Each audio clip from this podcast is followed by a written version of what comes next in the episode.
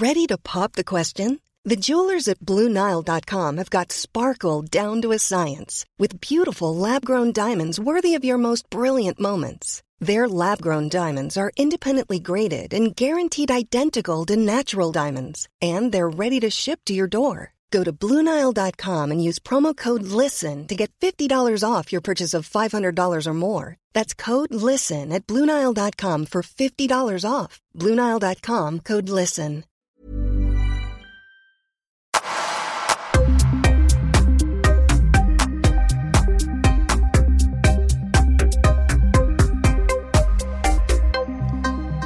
Elin Ribier, välkommen tillbaka till Öppet sinne.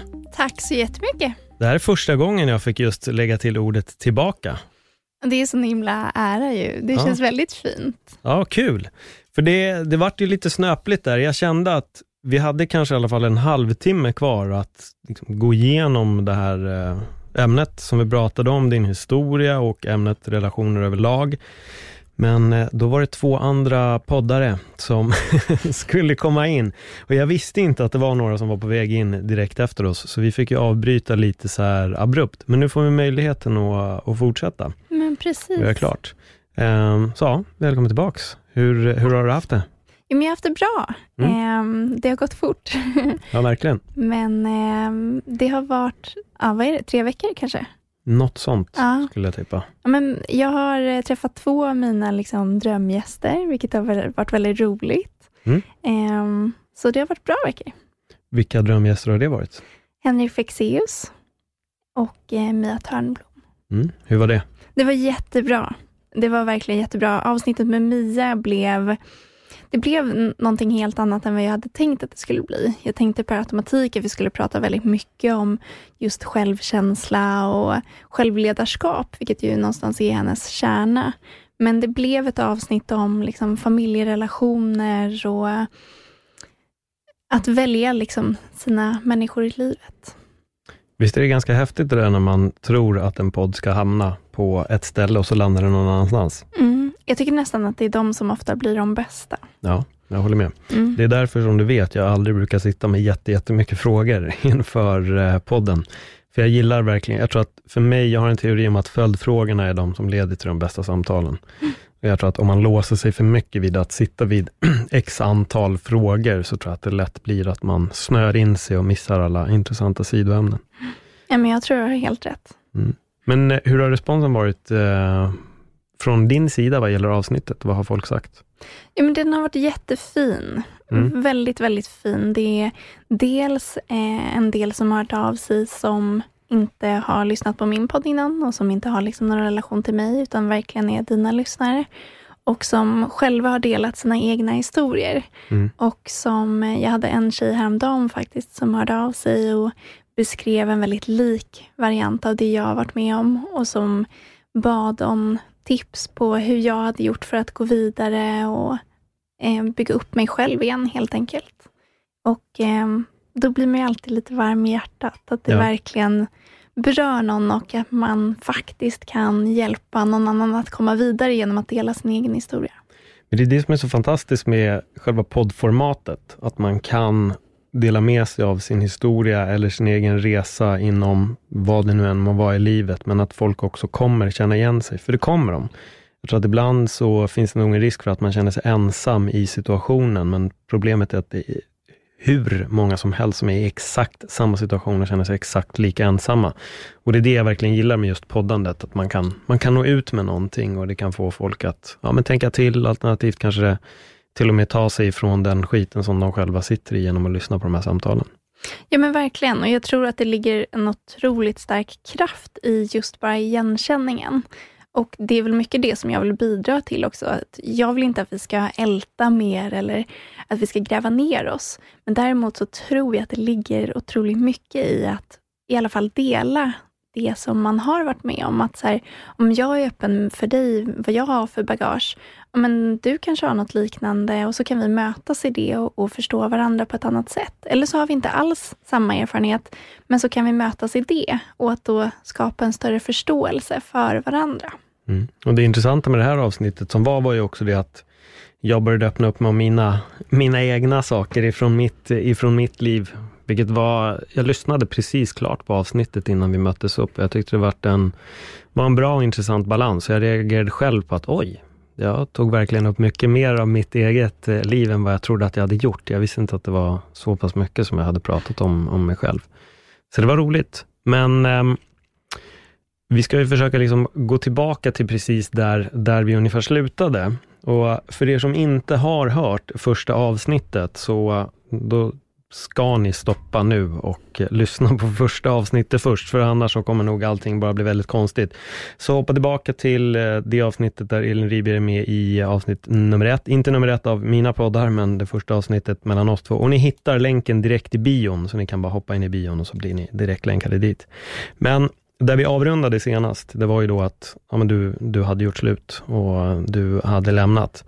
Och eh, den frågan jag hade där då var, hur var den första tiden? För att eh, du, nej, du träffade någon ganska, inte jättesnabbt, men hur, hur var första tiden för dig ifrån? Eh, jo, men det var en väldigt en otrolig frihetskänsla som jag inte hade liksom riktigt upplevt innan dess. Den var ju också lite att så här, stappla lite och så här, okej, okay, hur ska jag göra nu när jag ska göra egna val och vad vill jag egentligen göra? Och Okej, okay, men jag kan gå ut och festa hur länge jag vill på fredag och eh, ingen har rätt att säga till mig att jag inte får det och så. Så det blev en tid av väldigt mycket vänner, eh, väldigt mycket liksom socialisering. Jag eh, jobbade på ett jobb där jag hade fått fantastiska kollegor och vi pratade ganska mycket om de här sakerna. Så de var ju också ett så fantastiskt stöd och en så bollning i hur jag skulle gå vidare, hur jag skulle bygga upp mig själv. Vi pratade mycket om liksom relationer överlag och tipsade varandra om olika böcker och så. Så det blev liksom en väldigt självlärande ehm, period. Så. Mm. Men jag var ju väldigt, jag är ju som person väldigt levnadsglad. Och jag tror att på, äntligen, liksom, på väldigt länge, så fick jag leva ut det. När du säger böcker, då blir jag lite nyfiken. Vad, vilken är en av de bättre böckerna om relationer som du har läst? Alltså, jag tror att jag har rekommenderat alla i min närhet någonsin om den här boken. Och jag tycker verkligen att om det är en bok man ska läsa i hela världen, så tycker jag att det är den här. Och det är Hemligheten från ögonkast till varaktig relation av Egil Linge. Mm. Det är ju en klassiker på ett sätt, även fast eh, den inte har funnits överdrivet länge. Men den är verkligen, den satte fingret på vem jag var och den skapade också en väldig förståelse inför andra. Och eh, jag läste den här boken, eh, jag började läsa den innan jag hade träffat min sambo, som jag är tillsammans med idag. Och läste den sen under tiden som vi var tillsammans. Så jag tror inte att vi hade varit tillsammans om inte jag hade läst den. Eller jag är ganska övertygad om det. För att vi är väldigt olika och många människor är ju väldigt olika och man dras ofta till någon slags olikhet. Men det är ju inte ett problem om man kan förstå varandra och kan liksom acceptera varandra och jobba utifrån de förutsättningar som man har. Så att jag tycker att dels är det en jättebra bok bara för att ja, generellt kunna ha relationer, men inte bara liksom kärleksrelationer, utan jag tycker det skapar en förståelse inför liksom människor generellt kring en. Det är exakt samma bok som jag också har läst. Eller jag fick den på ljud. Jag fick den rekommenderad på ljudbok. Um, den förändrade jättemycket för mig. Jag satte verkligen så pricken på exakt mitt beteende om varför jag inte hade vågat gå in i relationer på väldigt, väldigt lång tid. Och det var när han säger det här, det låter så jävla löjligt, för att det är så, så, så självklart. Men det är så här, ja, för att jag har alltid tyckt att det är jobbigt att göra slut. Och det var ju det jag sa till dig också i det avsnittet, så fort tjejen börjar gråta, ja men det är som kniven i hjärtat och då vill jag trösta henne. Även om jag vet att jag måste därifrån, så, så triggas jag av något, så här, nej, det här klarar inte jag av att se. Eh, och så går jag liksom svagt tillbaka, trots att det är helt, helt fel. Men det han sa där var just det att relationen tar slut. Jag var så här, ja, det är ju inte svårare än så. Men det var just när jag hörde bara de simpla orden, att liksom, relationen tar slut och det är inget konstigt. Det är, det, det är så. Då kände jag att, ja, det stämmer. Jag förstår inte varför jag alltid, många gånger här själv, själv haft den här tanken om att, är det värt att gå in det, in i det ifall jag vill göra slut om en dag eller 15 år. Så många gånger börjar man få hast och börja tänka in i framtiden att så här, men jag kommer ändå vilja göra slut om så här lång tid, så då är det lika bra att jag drar idag istället för att ge det här bra en chans, så har jag redan liksom kalkylerat ut avslutet. Och då har det gjort att jag har lyckats, att då inte lyckats, utan då har jag sett till att hålla det på distans. Mm. Men den, den boken gjorde att jag för första gången vågade släppa in en annan kvinna i mitt liv, som jag även öppnade min dörr för och vi flyttade ihop och allting. Men jag tror att jag hade inte kunnat gjort det om jag inte hade lyssnat på den boken. Det var små, små, små detaljer som förändrade så otroligt mycket för mig, efter att jag hade liksom tagit till mig av det som Egil Linge förmedlade i boken. Och jag har bjudit in Egil Linge till min podd, men jag fick ett fint eh, tack, men nej tack. Ja. Så jag, har, jag har haft honom som en så gäst, för att den boken förändrade så pass mycket i mitt Mm. liv. ja, han är verkligen en drömgäst till Mm. podden också. Jag har faktiskt inte vågat bjuda in honom än. Nej. Ja, jag tror att jag gjorde det för tidigt. Därför har jag också varit lite försiktig med att bjuda in vissa gäster efter. Jag tror att när- jag bara hade kanske fyra avsnitt, då blir det, liksom, det är en för liten podd.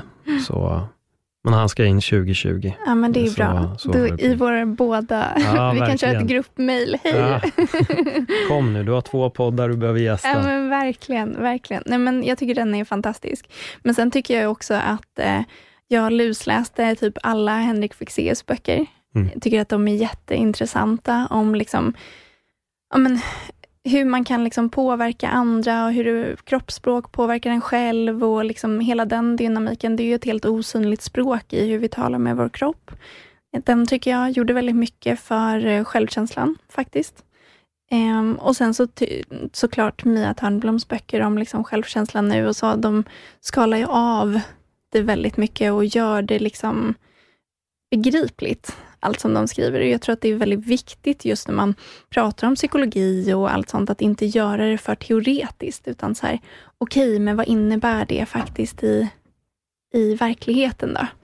Ehm, och idag har jag ju kommit i kontakt med ännu fler böcker som jag liksom fullkomligt älskar. Så att det finns ju, det är ju det tacksamma med vår tid, att det finns ju otroligt mycket kunskap. Det Verkligen. gäller ju bara att, att hitta rätt. Och det är det som jag kan bli, vad ska man säga, positiv och extremt negativ vad gäller våra mobiler. Du har, jag har sagt det så många gånger, men du har en möjlighet att bli raketforskare och hjärnkirurg genom din iPhone, men du kan också bli en otroligt puckad genom att bara sitta och söka fel info. Och det är lite där jag tror också att även alltså poddar halkar in, att man kan söka sig till otroligt eh, spännande poddar som kan utveckla en på så många plan, som det samtalet vi hade, som fick den där lilla väckarklockan att i alla fall någon att känna att fan, jag är inte ensam i den här sitsen. Det finns folk som har varit där, det finns folk som har tagit sig ur. Och det är på något sätt det jag vill förmedla i alla fall med min podd och jag hoppas liksom bara kunna fortsätta få fram de här intressanta historierna från människor, så det kan ske någon form av förändring. Men jag har en fråga till angående böcker. Läser du något speciellt just nu? Just nu så läser jag Lycka på fullt allvar av Katarina Blom, eh, vilket är en fantastisk bok, verkligen. Eh, uppskattar den jättemycket. Och sen så läser jag Flickan från Lotusfälten av Linn Hed, som är, den handlar om, hon har helt enkelt beskrivit sitt liv som adopterad från Korea och i jakten på sina föräldrar och liksom känslan av rotlöshet och att inte ha liksom sin historia på plats. En väldigt stark bok. Mm.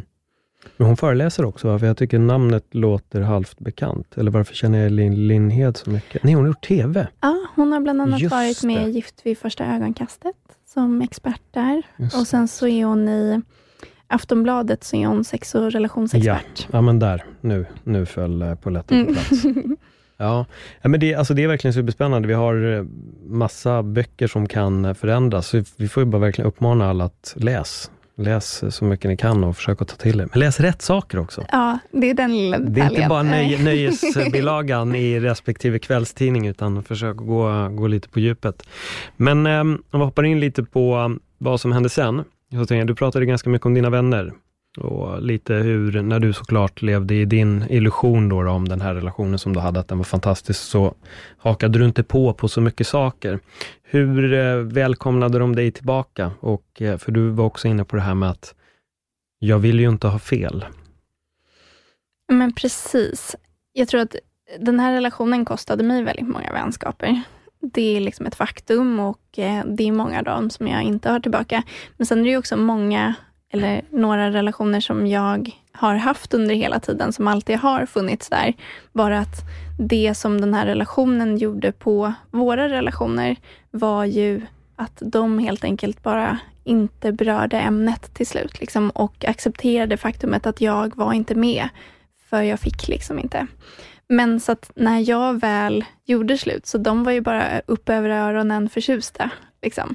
Och tog ju emot mig med jättevarma armar och var ju där och stöttade och liksom ville ju också då veta vad som hade hänt och hur det hade varit och ville ju bolla väldigt mycket och de ville ju också bolla sina erfarenheter och tankar från den här relationen för att det hade ju också varit en sorg för dem. De hade ju liksom blivit av lite med sin bästa vän och hur hade det påverkat dem och mig och så. Så vi fick ju liksom jag tror att våra relationer blev ju starkare av det också. Det blev ju som ett trauma som vi hade gått igenom tillsammans i efterhand. Um, och jag tror att de... De hamnade ju liksom i en väldigt speciell situation. Liksom. Um, och var ju också väldigt ledsna liksom att, det var, att den hade varit så pass mörk som den var. För att jag, det man måste hålla, komma ihåg med den här historien, det är också att jag under hela relationen gav ett sken av att den var mycket bättre än vad den var. Så att även om jag nu har delat med mig om de mörker som relationen har, så var det ju också ljusen i den som jag höll fast vid. Och Det var ju de som jag ville definiera relationen som och det var också det som jag valde att visa utåt. Så de visste ju aldrig hur mörk den var. Nej. Så det fick ju de först veta när jag hade gjort slut. Eller när jag började liksom prata med dem precis innan jag gjorde slut. Så det har ju varit en resa tillsammans och är ju fortfarande någonting som de kan höra av sig och ha frågor om hur det var eller som nu efter avsnittet tillsammans med dig hörde av sig och liksom blir påminda om hur det var och så. Så det, det var starkt för fler än för mig såklart. Men jätteöppna armar och eh, glada att ha sin kompis tillbaka. lite så. Vad skönt. Mm. Men jag tänkte lite där, var han aktivt inne på att så här, skärma av dig från dina vänner också? Var det någonting som han gjorde? Ja, absolut. Han gjorde det va? Ja, absolut. Mm. Så var det ju. Ehm, och där... Eh, han ville ju skärma av de som ifrågasatte vår relation mest. Mm. Det var ju de som han såg till att avsluta liksom relationerna. Och, och så blev det ju med vissa, helt klart. Men eh, sen så var det ju vissa som jag hade varit kompis med liksom hela livet, som han inte kunde liksom få mig att avsluta på något vis. Och som heller inte var tillräckligt intimidating för vår relation, antar jag för att han skulle liksom försöka få mig att avsluta dem. Men däremot så gjorde han ju det i bara bemärkelsen att jag inte fick vara med på saker. Alltså det blir ju avskärmande i sig. Alltså jag ty tycker det känns som en sån uppenbar varningssignal, men jag tror att den flyger över huvudet på så otroligt många. Det här med att äh, men han tycker inte att jag ska göra det här och det här och det här. Det var en, en tjejkompis som skrev så till mig för något år sedan nu. Att, ja men typ, det, det jag hörde på, på texten, att det var verkligen hintat om att hennes kille tyckte inte att hon skulle umgås med vissa av de här, men han hade accepterat några. Och då var typ, jag var väl i kategorin av att kunna acceptera. Jag var så här, shit. Då, dock hade vi lite för dålig liksom, relation under det året, så jag var inte så här, du kanske inte ska vara här. men, men på efterhand så känner jag verkligen mer och mer, desto mer, eftersom du och jag har pratat, jag pratar med Yvonne Fuchs, så har jag verkligen fått den här, wow, det där är en snubbe som verkligen håller på att isolerar henne ifrån eh, vänner och bekanta. Och där tycker jag väl att ni som lyssnar, om ni träffar någon som börjar göra det, det är nog den första signalen på att ni ska packa era väskor och dra därifrån. Ja, det är en supervarningssignal mm. och också när man, han försökte ju liksom avskärma min familj i viss mån också. Eh, men det, vi, min familj har en väldigt, väldigt stark kontakt. Och vi är också väldigt eh, ja, men fysiska med varandra. Vi kramas mycket och säger att vi älskar varandra och sånt där. Och då, det tyckte jag han var jättejobbigt. Liksom, för då var det ju människor som betydde mer än vad han betydde och du vet sånt. Så, men där var det ju att jag kunde sätta ner foten till honom och vara så här, fast hit men inte längre. Liksom. Så där kunde jag se liksom klart. Men det var ju fortfarande en argumentation kring det. Och sen tror jag också att det är klart att jag inte var så naiv att jag inte förstod att det inte är rimligt att avskärma mig från vänner. Det förstod ju jag också, att så här, det här är inte helt sunt. Det, det, är ju faktiskt jättedumt, hela den här grejen. Men när man har varit i en sån relation så hamnar man i någon slags konstig verklighet, där hela verkligheten går ut på att inte göra honom arg. Mm. Alltså så att man hoteliminerar. Att så här, okej, okay, nu får inte jag vara med den kompisen. Det är egentligen orimligt. Fast om jag inte gör det, ja men då har jag en enklare vardag. Då blir det inte bråk. Ja men okej, hur kan jag hela tiden parera min verklighet så att han är glad? Och det låter ju jättekonstigt, men det blir liksom en så överlevnadsmekanism. Att så här, okej, okay, jag pallar inte tjafs, men jag är så kär i den här personen. Och där vet jag ju i efterhand att mycket dramatik och svartsjuka och så kan väldigt lätt förväxlas med passion. Mm. Och det är inte samma sak. Det är inte kärlek, men det känns som kärlek. Så att där var det ju hela tiden den här, så här okej, okay, men jag vet att han är världens bästa person. Han kan ju vara det när det bara är vi två och inte finns någon annan i hela världen. Det är ju den han är egentligen. Då måste ju jag få honom och hjälpa honom dit. Sen är det väldigt mycket mörker här emellan, men det kommer jag lösa. Jag löser det. Och så försöker man hela tiden liksom parera ihop det där och så här, jo men jag är ju så kär. Jag måste få det här att funka.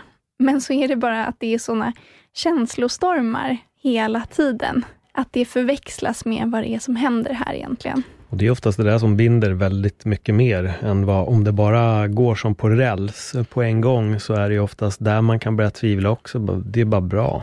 Jag, jag, vet vad jag har den här personen och då känns det nästan som att man vill sticka istället. Men så fort personen är lite motstridig, då är det som att nej, nej, nej jag, jag måste ha det här. Jag, det här är verkligen det jag vill ha. Och sen så fort man får då börjar man tvivla igen. Och det känns som att det är där som är det här låset man fastnar i i många relationer också. Att när allting känns bra, då känns det som att det kanske inte riktigt är värt det ändå. Så fort man tror att man ska förlora den andra, då vill man såklart greppa tag och rycker och rycker. Och som du säger också, det med passion. Det är så otroligt lätt att förväxla passion för någonting positivt. Verkligen. Så många gånger när det är mycket känslostormar i en relation, då blir också de fina stunderna otroligt mycket finare. Och det är verkligen lätt att fastna i den biten. Ja, men man blir ju lite en så här äh, känslojunkie, typ. Mm. Och det är ju verkligen som du säger, det finns ju, det är av en anledning som det finns liksom att, så här, ah, makeup sex, det är så jävla hett liksom. Ja, men det är ju också för att det har varit så jävla mörkt och nu är det så himla passionerat och sen blir det sjukt mörkt och så blir det passionerat och så och så håller de på och drar i varandra och så tror man att det liksom finns något sunt i det där, men det är bara ett väldigt osunt mönster. Och det ligger absolut någonting i det där. Du säger att en relation som istället är platt, eller känns platt, om man har varit i en relation som är väldigt eldig och upp och ner, om man då hamnar i en relation som är sund, då kan det kännas väldigt platt. Mm. Och så här, men gud, ska vi inte bråka? Och ska det inte, ska det inte vara mer? Liksom, ska jag inte känna mer? Men det är inte sunt att ha en relation där det är väldigt bråkigt, där det är väldigt eldigt. Utan det man ska försöka söka efter, det är ju snarare den här lite plattare relationen, men där det fortfarande känns bra. Där vi ger varandra största trygghet, där man kan skratta tillsammans, där det är liksom lätt och där man kompletterar varandra. Man behöver inte tycka lika om saker, men där man kan liksom, där det inte är bråk på samma sätt.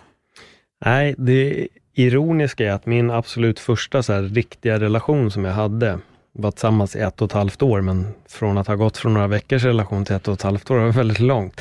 Men vårt första tjafs, det var att vi hade aldrig tjafsat. Det var det första vi tjafsade om.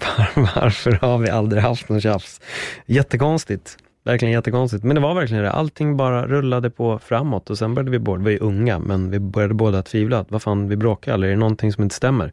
Vad är det här? Och helt plötsligt blev det en, ett, ett problem. Och sen eh, när man hamnar i en annan relation där det är väldigt stormigt, då undrar man vad fan var det jag gjorde förra som var bra? För där tjafsade vi ju inte alls. Men det är verkligen också lite hur vi personer är, vem, vem man träffar kommer också skapa en, en viss relation. Det är det som är både det spännande och det extremt obehagliga med relationer. Ja, men verkligen. Vi lyfter ju också fram olika saker i varandra och triggar olika saker i varandra. Så att, eh, det är klart att man kan vara världens lugnaste i en relation och i en annan så bara blir man helt tokig. Liksom. Mm. Hur var det för dig när du träffade din eh, nuvarande sambo? Jo, men det var, ehm, det var ju helt motsats liksom, mot vad jag hade varit med om tidigare.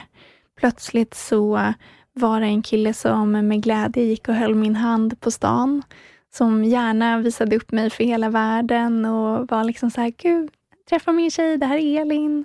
Och var liksom otroligt liksom öppen mot världen, vilket jag ju inte alls hade erfarenhet av. Så bara det var ju otroligt liksom smickrande, att han liksom stod för vår relation.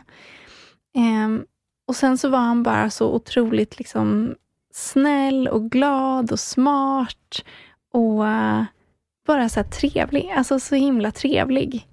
Och samtidigt den största retstickan i världen. Men liksom, vi har ju en relation som är ja, men, den står helt i motsats. Det är liksom som du säger att du och din första tjej där hade. Det, vi bråkar inte. Däremot så är vi inte alltid ense om saker. Nej. Men vi bråkar inte och med bråk då så menar jag det här att stå och skrika på varandra, kalla varandra skällsord, att det är väldigt stormigt, eldigt, slå i dörrar, hela den grejen. Inte prata, inte svara på telefonsamtal och sms. Utan det är liksom, okej, okay, aha, men du uppfattar det sådär, jag tänker så här.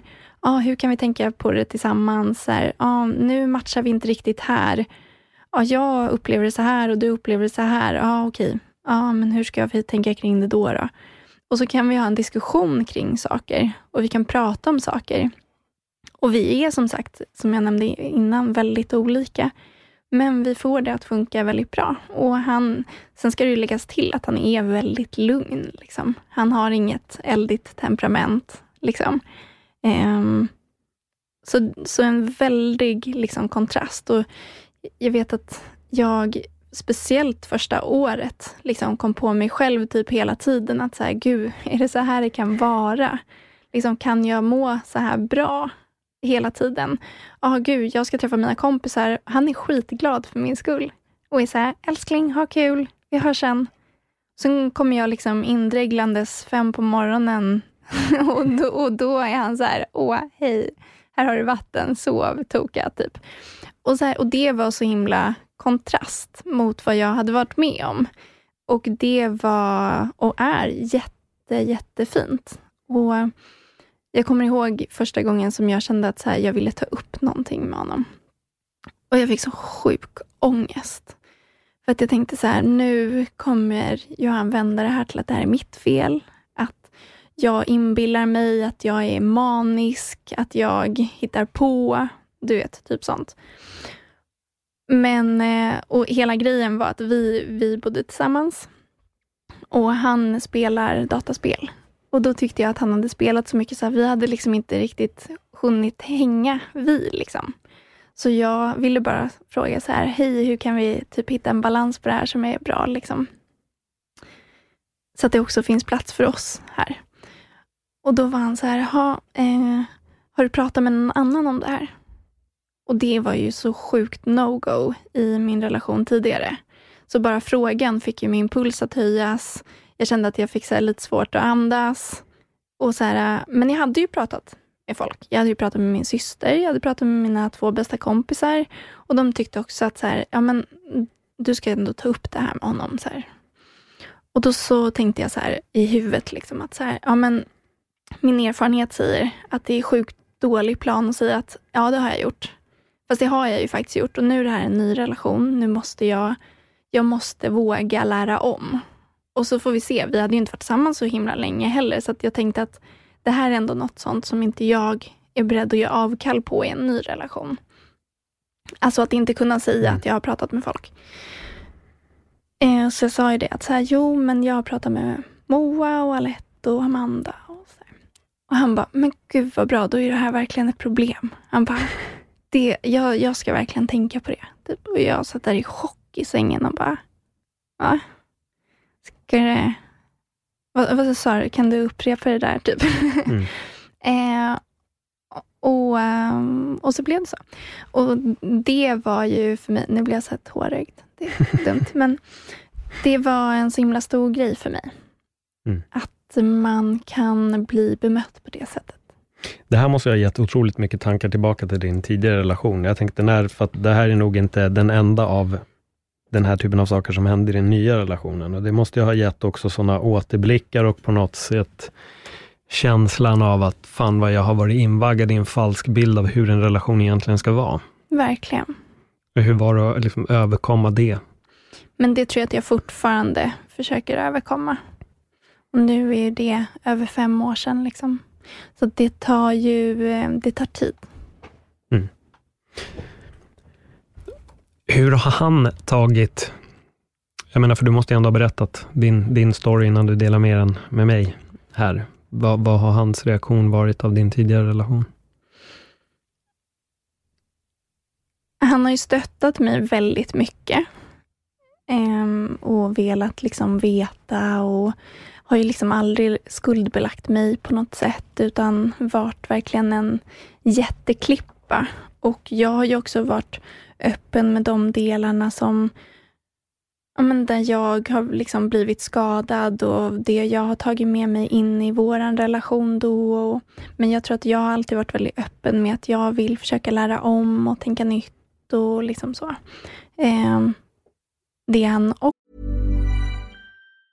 A lot can happen in the next three years. Like a chatbot may be your new best friend. But what won't change? Needing health insurance. United Healthcare Tri Term Medical Plans are available for these changing times Underwritten by Golden Rule Insurance Company, they offer budget-friendly, flexible coverage for people who are in between jobs or missed open enrollment. The plans last nearly three years in some states, with access to a nationwide network of doctors and hospitals. So for whatever tomorrow brings, United Healthcare Tri-Term Medical Plans may be for you. Learn more at uh1.com.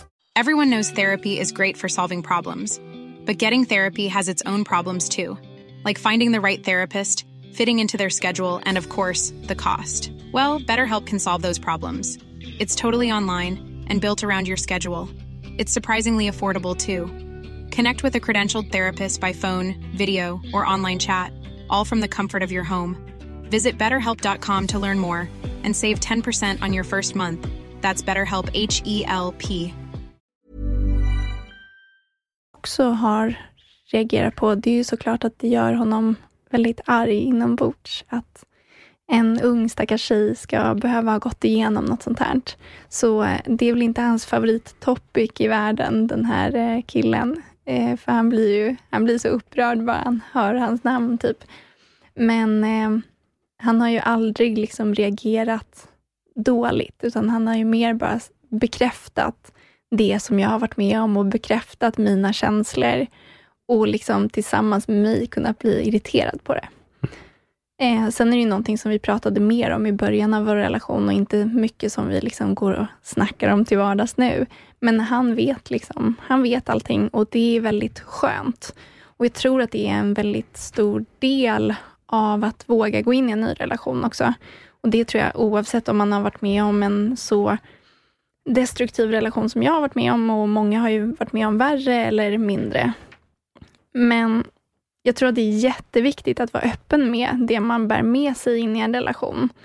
För att kunna skapa en förståelse till, kring varför man agerar som man gör i olika situationer och sånt. Som om vi är tillsammans och jag vet allt som du bär med dig in i en relation. Och då kanske jag tycker du reagerar helt orimligt i en situation. Men så vet jag att, ja fast Paul har ju med sig det här och han har ju sagt att han kan faktiskt reagera så här i en sån här situation. Och det här är lite extra känsligt för honom det legitimerar ju fortfarande kanske inte någons reaktion. Men det förklarar den och då kan vi tillsammans jobba utifrån den och kan tillsammans prata om att så här, ja just det, det här är en sån här situation. Så här, hur kan vi tackla den då så att du känner dig trygg och så. Och så steg för steg så blir man ju tryggare. Men jag tror att man aktivt måste ta det valet också, att, att vara öppen inför att lära om.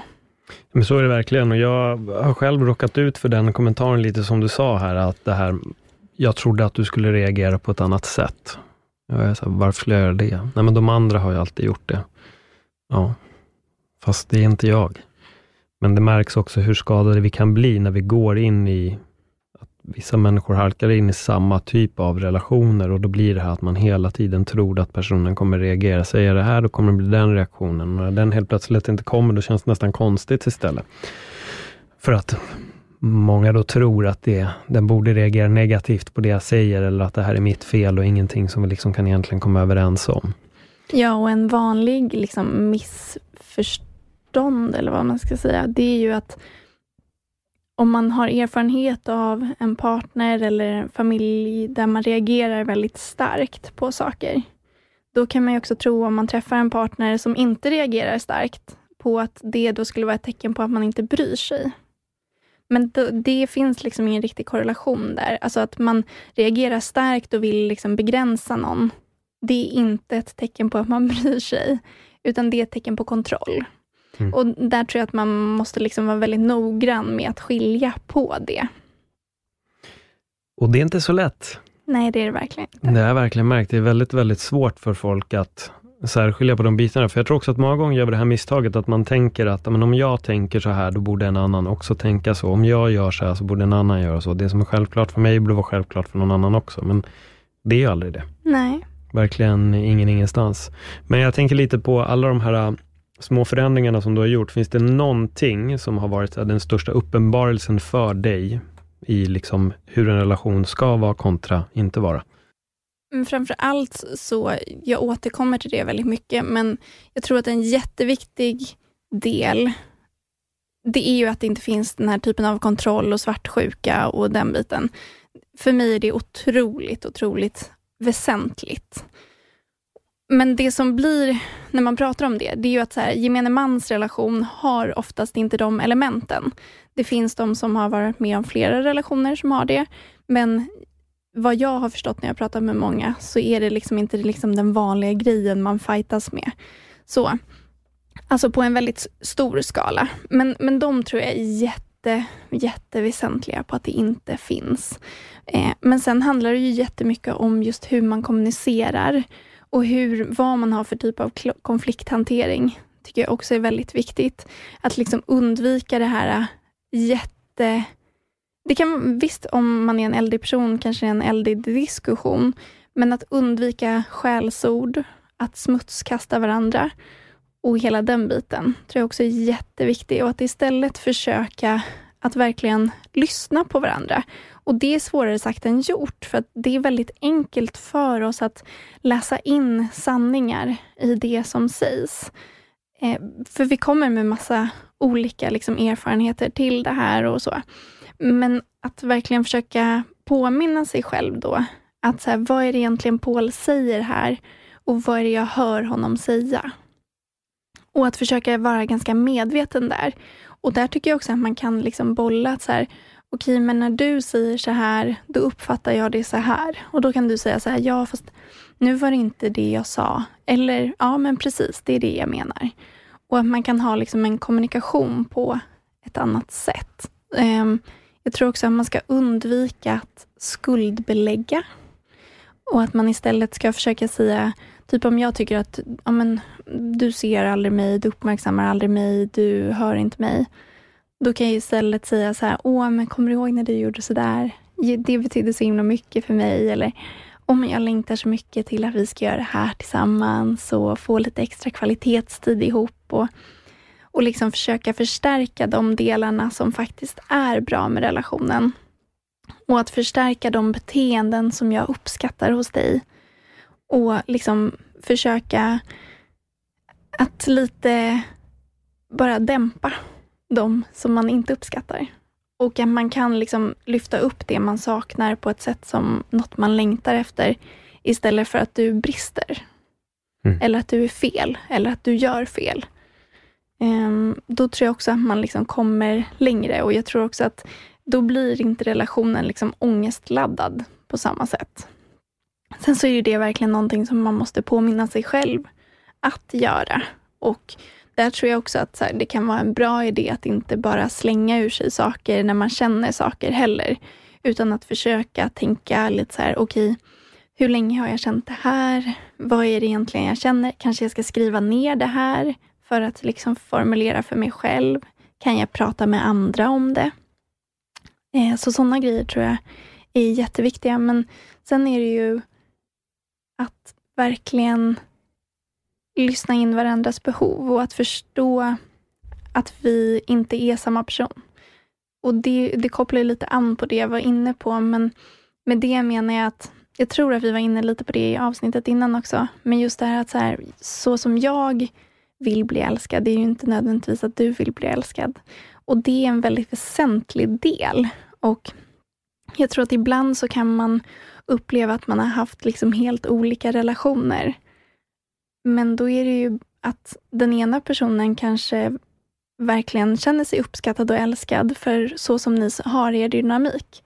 Men om ni inte har pratat om hur den andra personen, eller hur egentligen båda personerna, vill bli älskade och vill bli visade kärlek och vad man uppskattar och vad man inte uppskattar, då är det ju lätt att någon blir förbisedd.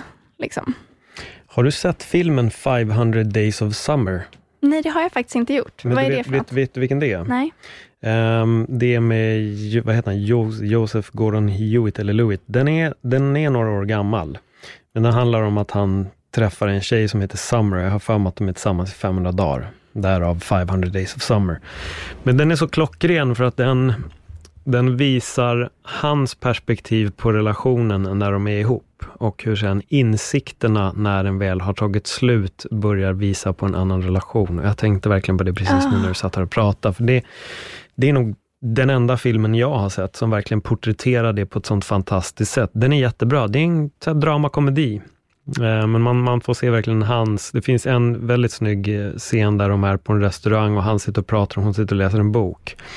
Och hon till och från tittar upp på honom med ett leende och liksom lyssnar på det han berättar. Och sen efter, senare i filmen då, så får man se samma scen igen. Men hur hon sitter och bara fokuserar på boken och verkligen skiter i vad han lyssnar, mer än att hon sneglar upp mot honom ibland. Och då ser man där, oh, oj vad snyggt. För att i det ena perspektivet då så tycker han att hon lyssnar på allt jag säger, men sen när du ser det igen så fattar du att den där boken är mycket intressantare än vad han än har att säga. Mm. Eh, och det är verkligen det här med att vi kan gå runt, som jag sa också även i avsnittet också, att jag och mitt ex då hade uppfattat relationen på två väldigt olika sätt. Jag tror att det är jag tror att det är väldigt lätt hänt, många gånger att man gör det. Man upplever två väldigt olika saker och jag tror många gånger att man gärna vill ge det man själv vill ha. Och sen kräver man ungefär att jag vill att du säger det här till mig för att jag ska må bra, eller jag vill höra dig göra de här sakerna och eh, jag tror att det där leder bara till problem. Jag tror att många gånger ibland så tror jag att alla vi behöver bli duktigare på att titta på sig själv. Hur beter jag mig och är det jag kräver rimligt att liksom kräva? Och det kan vara petitesser, bara som att jag vill gärna höra dig säga det här. Det är inte helt självklart att en person bara går och slänger ur sig de kommentarerna för att det ska tillfredsställa en, en person. Liksom. Och det är där jag tror att vi måste också bli duktiga på att titta, vad, vad är det vi vill ha och vad har jag egentligen rätten att kräva i en relation? Mm. Ja, men precis. Sen så, eh, om man kollar på liksom forskningen på vilka relationer som är de mest liksom, lyckosamma, eller de relationerna där det är, om där man mår som bäst och de som funkar längst och där man genuint mår bra. Och då handlar det ju dels om att behålla intimiteten och närvaron och inte intimiteten i form av sex nödvändigtvis, utan den här intimiteten som kan infinna sig i ett rum när man verkligen pratar med varandra. Det blir något speciellt. Man kan känna den intimiteten med liksom bara en vän eller en främling om så, om man liksom pratar om rätt saker. Så att just finnas i det mötet och att behålla den närvaron. Och det är inte någonting som nödvändigtvis kommer att bara finnas, utan någonting som man kan behöva vara aktiv med. Sen så är det också att fortsätta vara nyfiken. För ofta går vi in i relationen och så är förälskelsefasen lite så här falsk propaganda på ett sätt. För att vi mår så bra av att vara i varandras närhet. Så därför är jag så sjukt nyfiken på dig, för att jag mår så bra av att vara med dig och du är nyfiken på mig. Så går vi bara och eldar upp varandra och är liksom, har vårt kärleksrus. Och så kan det, vara, kan det kännas väldigt platt när man kommer över det där steget till att egentligen bli seriösare. Men så tror man att så här, men nu dog det ju. Men det är så kroppen funkar. Vi får liksom inte samma endorfinpåslag och sånt. Så det är liksom helt naturligt.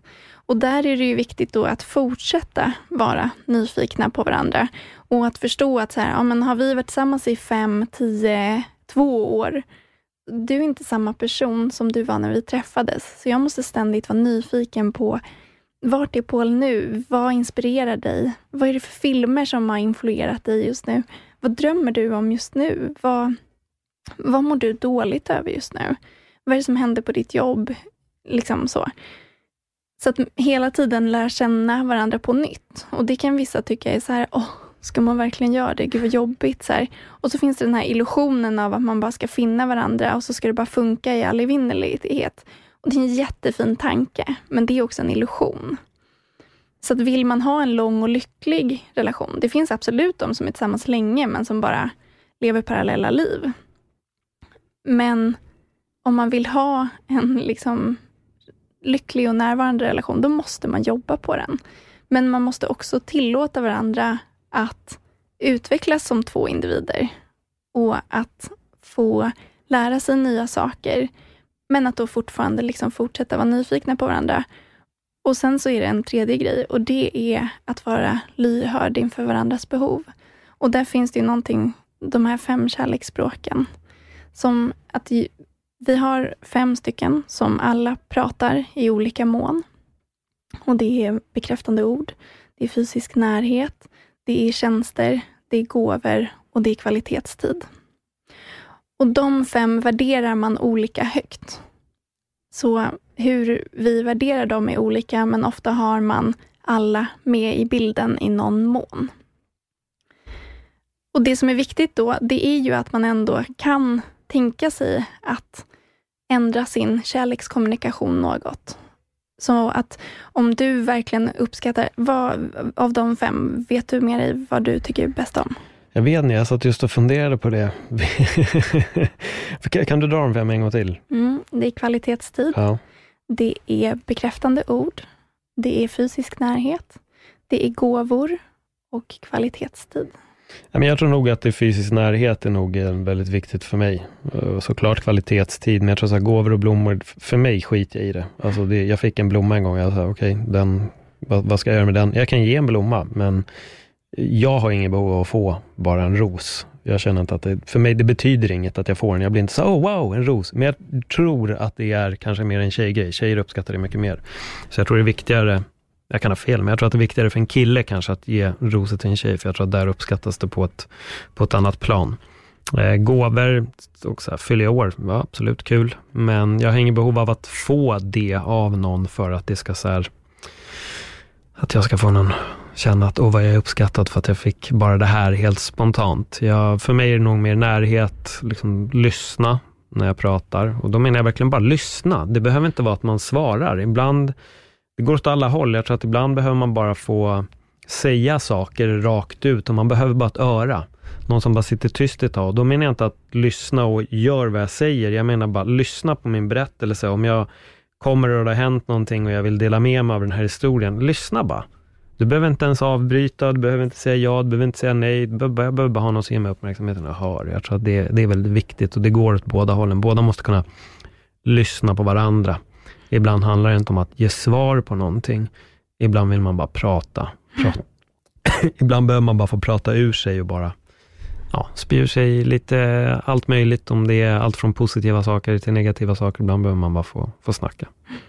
Men, och precis de där grejerna blir så himla viktiga då, mm. om vi skulle ha en parrelation. För då om vi var tillsammans, jag visar kärlek genom bekräftande ord och genom gåvor. Mm. Så om vi då är ihop och så börjar jag varje morgon med att säga Åh Paul, du är så himla bäst, fin, jag älskar dig, bla bla bla. Och så skickar jag massa fina sms till dig och så kommer jag och ger dig blommor. Och du vet så här, och det är mitt sätt att visa kärlek och du tycker bara så här, trams. Alltså så här, vad är det här liksom?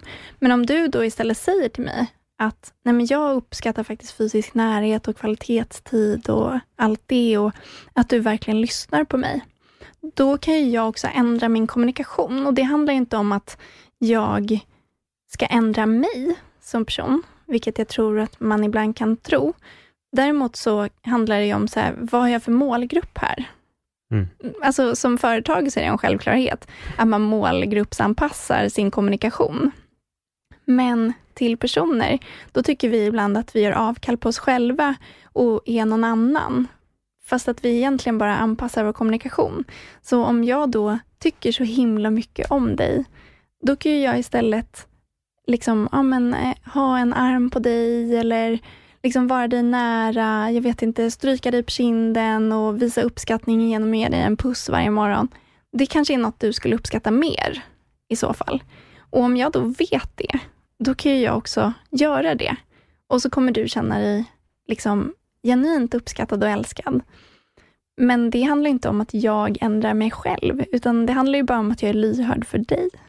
Jag känner mig väldigt älskad nu av alla ja. de här fina orden som du kommer med. Jag säger ja, jag, blev såld. Ja. Nej, men lite skämt åsido. Sen tror jag det är en sån, det är en sån fin balansgång, för vi var även inne på det här med alltså där, i början, när allting känns lite bättre. Det är oftast mer sms, det är oftast lite mer blommor, det kanske är en extra gåva, det kanske är en extra puss på kinden, det är en, en liten lapp under kudden eller i hallen när man går. Och, och, och just som vi lever idag med mobiler, så är det just det att man kan bombardera varandra med meddelanden hela tiden. Men det har jag upptäckt också blir en sån, det är skitkul i början, men det blir lite farligt i längden. För till slut blir man så van vid det, att man också börjar nästan skriva och smsa för mycket till varandra och egentligen sitter båda och tycker att ah, det börjar bli lite jobbigt med alla sms, för jag behöver egentligen göra det här och det här. Och så vet man inte liksom hur man ska säga det. Tills någon tar upp det och så är oftast svaret från båda två, har jag märkt, att Jaha, tycker du också så? Ja men fan vad skönt, då kan vi börja dämpa det här lite. Vi kan höras när du kommer hem istället, så kan vi istället snacka. För jag har märkt att det är många gånger jag har fastnat i den här fällan med, man sitter och smsar och smsar, sen bara, fan fast egentligen, jag har inte tid att sitta och messa nu liksom. Och det tror jag är en sån fara och jag tror att sen när någon börjar skära ner lite på det, då börjar hjärnan snurra också. Jaha, varför har den slutat skicka det här godmorgon-messet eller varför var jag tvungen att vänta till liksom 11 innan det här messet kom eller jag tror att det kan bli en liten farlig grej också. Jag tror det där är verkligen en jättefin balansgång man går på i början av en relation.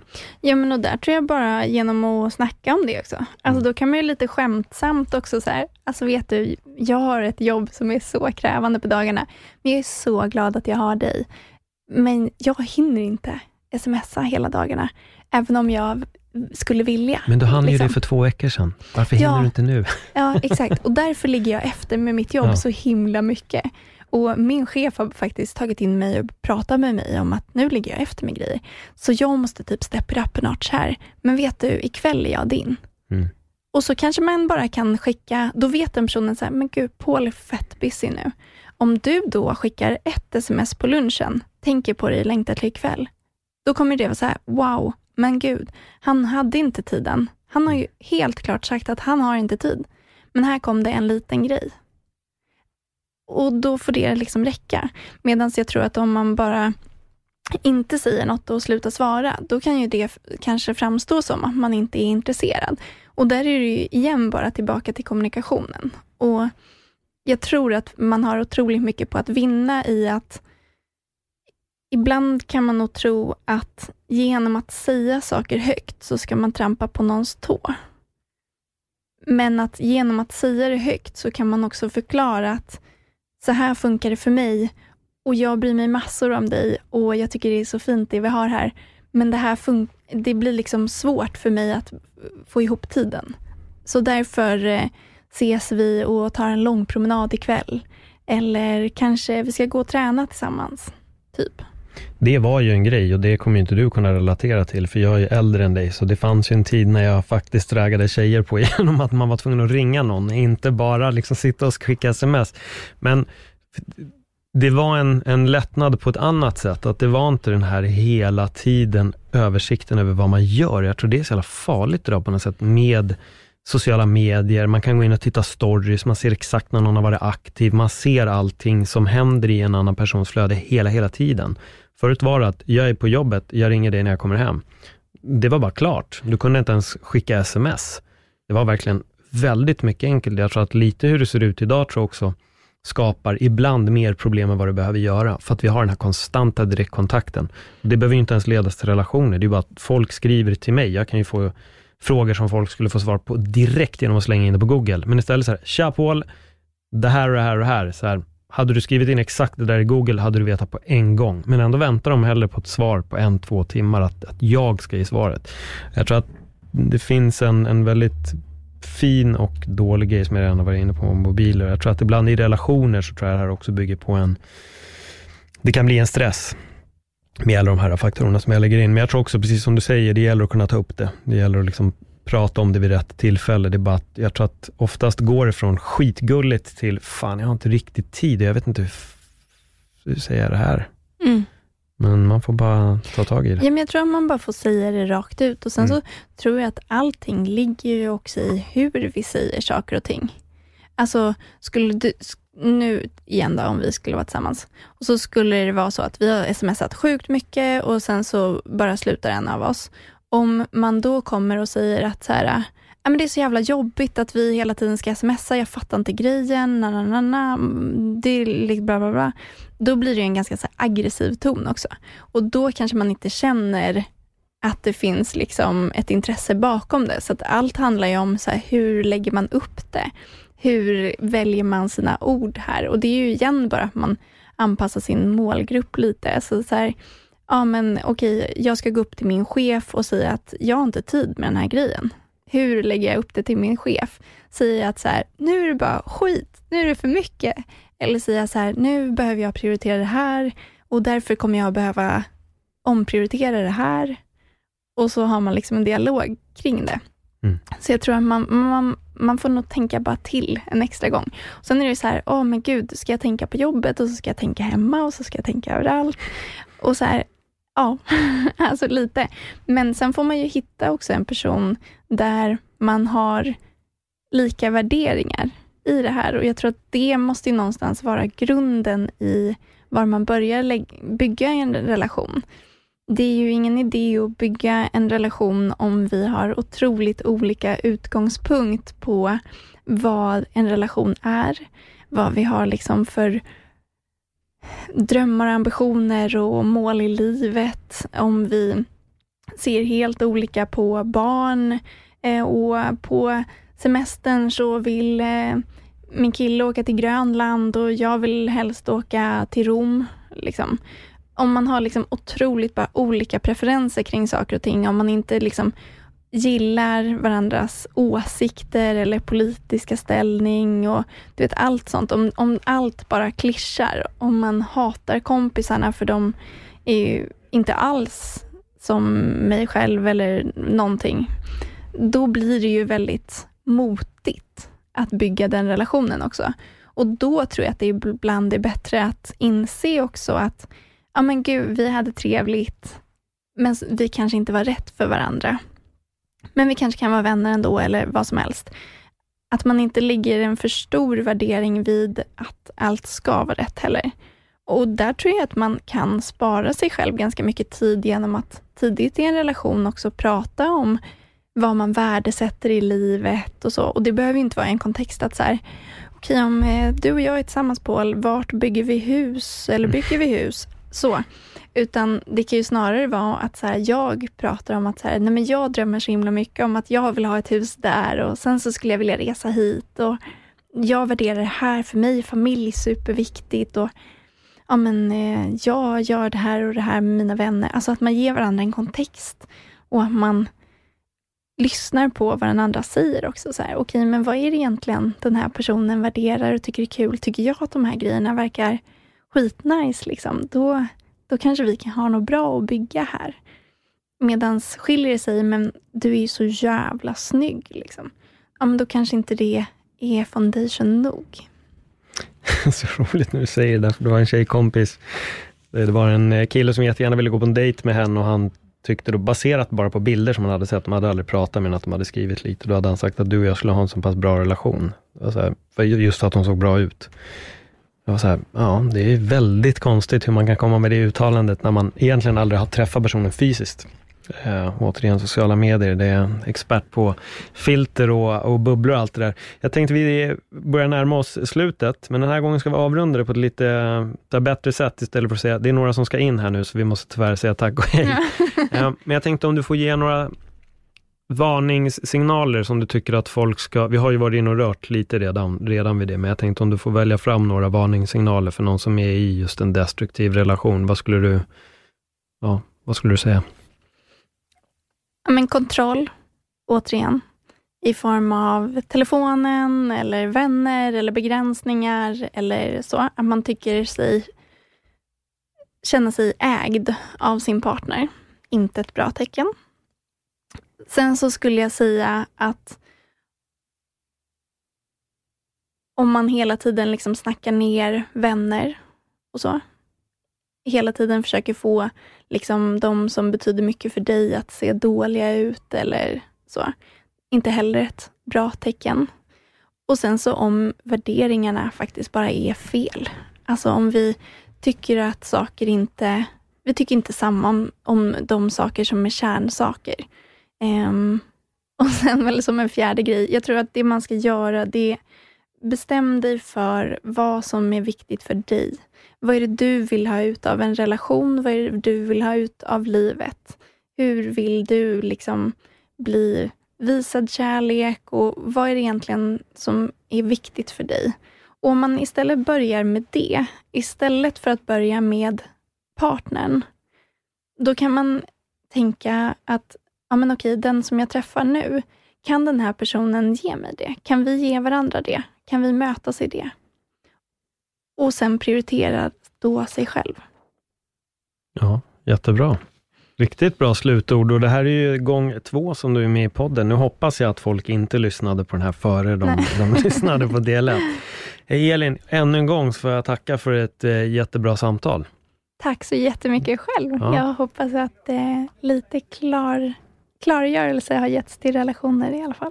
Ja, jag hoppas det. Och som sagt, om ni sitter där i en jobbig relation, om ni känner igen er rättare sagt i det här som Elin nu har berättat, eh, ta tag i det. Försök att inte fastna och bara stå still och stampa i relationen och kämpa och kämpa för det som en gång kändes så himla bra, som ni aldrig riktigt ser ändå, för ni har blivit lurade ifrån den ljusa tunneln in till den mörka. Så det är bara en varningssignal på att eh, sticka därifrån.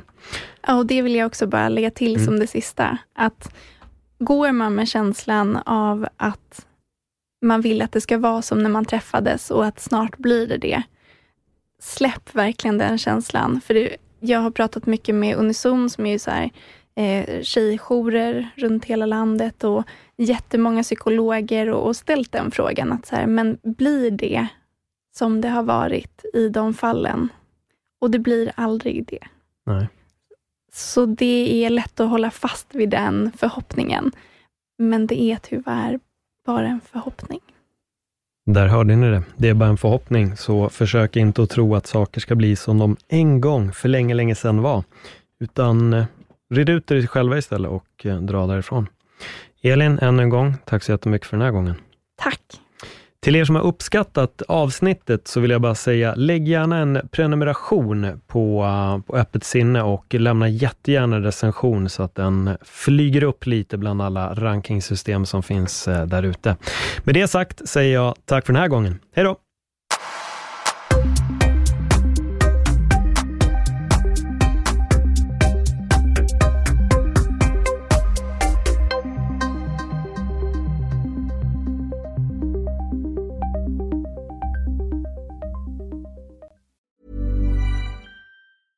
Ever catch yourself eating the same flavorless dinner three days in a row? Dreaming of something better? Well, HelloFresh is your guilt-free dream come true, baby. It's me, Gigi Palmer. Let's wake up those taste buds with hot, juicy pecan-crusted chicken or garlic butter shrimp scampi. Mm. Hello Fresh. Stop dreaming of all the delicious possibilities and dig in at HelloFresh.com. Let's get this dinner party started.